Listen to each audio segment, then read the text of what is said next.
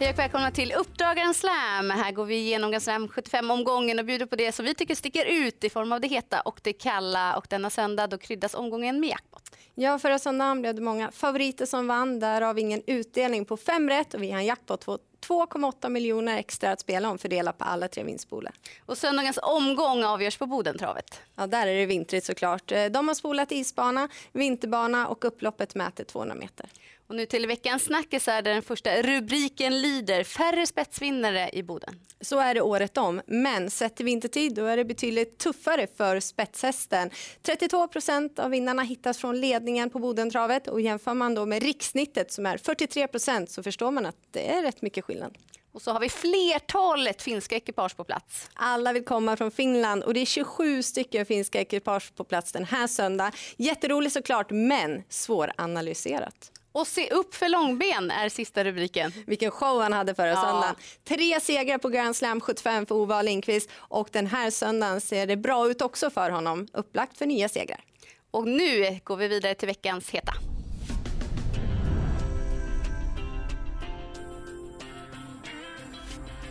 Vi börjar i den första avdelningen med nummer tre Agat Pepper som har haft bakspår i de två senaste starterna, gjort det bra eh, i spåren. Nu har han läge för spets, jag tror han når den positionen och samtliga av hans fem segrar hittills i karriären är tagna i just den positionen. Lite osäkerhet kring hur han hanterar långdistans såklart, men det låter inte som att motståndarna är jättetaggade att sätta upp något tempo. Då tror jag att Ova Lindqvist får trolla bort eh, ett varv i långsamt tempo så han är klar första häst. Jag hoppas att han även får trolla bort lite i den andra avdelningen där han kommer köra ett Guldhagens prins som eh, står väldigt bra inne i loppet rent pengamässigt och har lopp i kroppen. Då var det första gången på isbana. Det fungerade väldigt bra. Han har varit stabil på slutet och från ett perfekt eh, utgångsläge så kommer han få en bra start och han även är startsnabb. Och det blir just Ova Lindqvist i sulken för första gången och det känns ju spännande.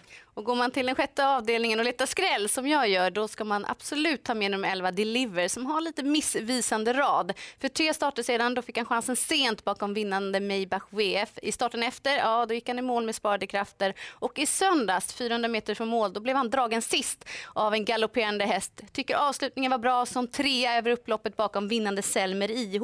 Så formen sitter där, han står bra inne i loppet, han har spår 8 i volten, så ett perfekt smygläge. Så löser det sig för hans del så kan jag se se honom skrälla. Och jag fortsätter på det här med lopp i kroppen och då hamnar jag på nummer 10, Governor Hoss i den avslutande avdelningen. Han gick jättebra i comebacken och det är en häst med mycket fart och kunnande inom sig. Han har ofta kört väldigt offensivt och vi får se hur upplägget blir den här gången då från bakspår. Men om man löper upp till sekundande då kommer han springa väldigt fort. Och den sista heta hittar vi hos veckans profil och nu ska ni få lyssna till Madeleine Wiksten.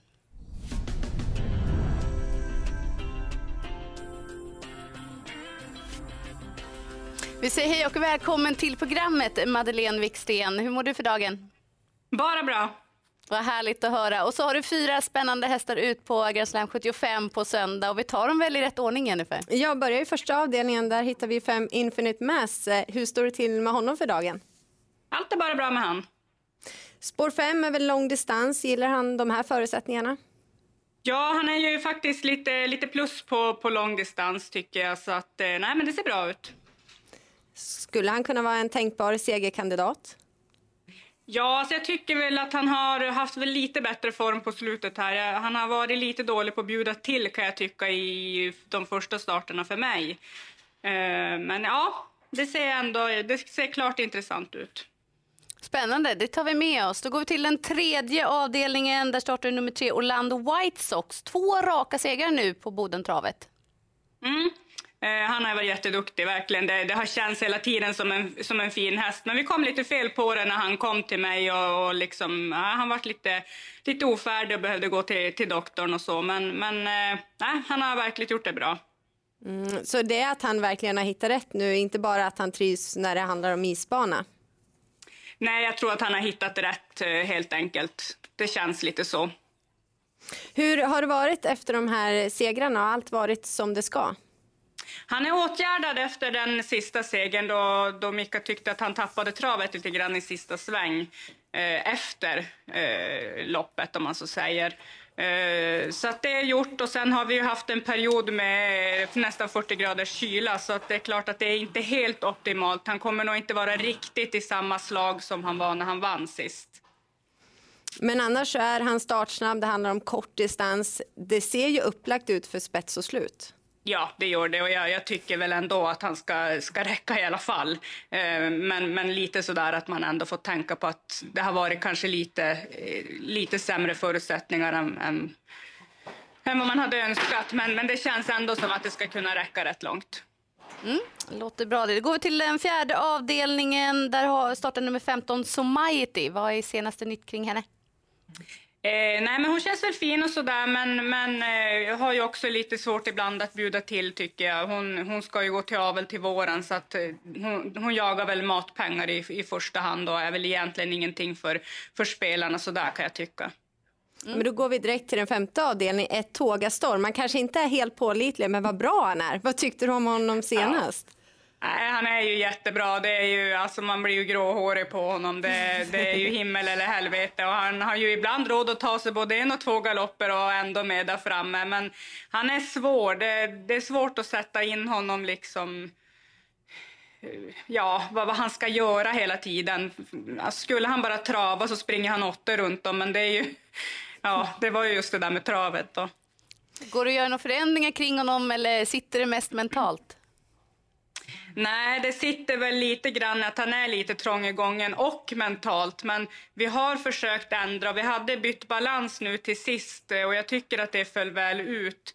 Eh, vi ska även till den här starten byta bett också för att de har upplevt lite grann att han blir lite pigg och så får de när de tar i han så blir han lite vrång. Så att tanken är att, att prova byta bett och se om, om han kanske blir lite mer nöjd med det. Och ledningen då? Han står ju ensam på start. Eh, hur trivs han att gå i ledningen? Nej, han vill ju gärna på vänta på sina kamrater. Nu har han vunnit från ledningen så det är väl inte en omöjlig uppgift men, men det har ju varit det här som är lite grann att han, han vill gärna springa på och vänta lite på dem och bromsa lite grann och då är det ju närmare att han slår ihop och hittar på massa andra saker. Mm. Så Ova Lindqvist som kör, han har inte en helt enkel uppgift då, men han kanske kör i ledningen om eh, Tågastorm inte väntar för mycket på konkurrenterna.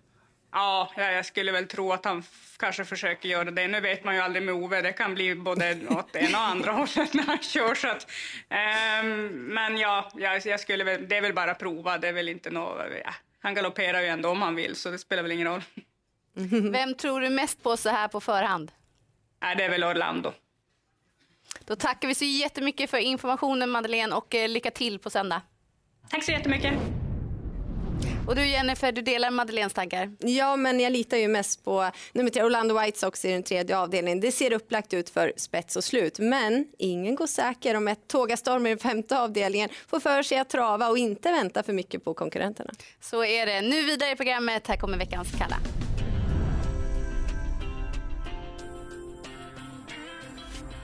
I den fjärde avdelningen så kommer nummer 13 Brida från en stark avslutning och visade att formen sitter där. Men då testade hon med en amerikansk sulky för första gången och nu blir det återigen en vanlig vagn. Från springspår på tillägg så riskerar man vingel och jag är rädd för att hon inte orkar med för mycket jobb på egen hand.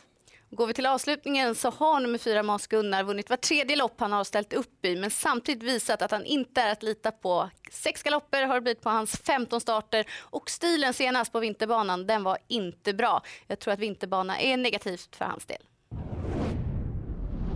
Dags att summera ihop det viktigaste. Vi har varit inne på det, att vi tror att det är Ove Lindqvist som är kusken att hålla koll på. Även den här söndagen. Tränare Madeleine Wiksten, men förutom henne så vill vi nämna Christian Månsson. Vi har ju lyft två av hans hästar, Deliver och Guldhagens Prins. Och faktum är att han har inlett 2024 på bästa sätt. Fem starter, fyra bland de tre. Och så har vi jackpot på söndag, så tar ni chansen så önskar vi er stort lycka till.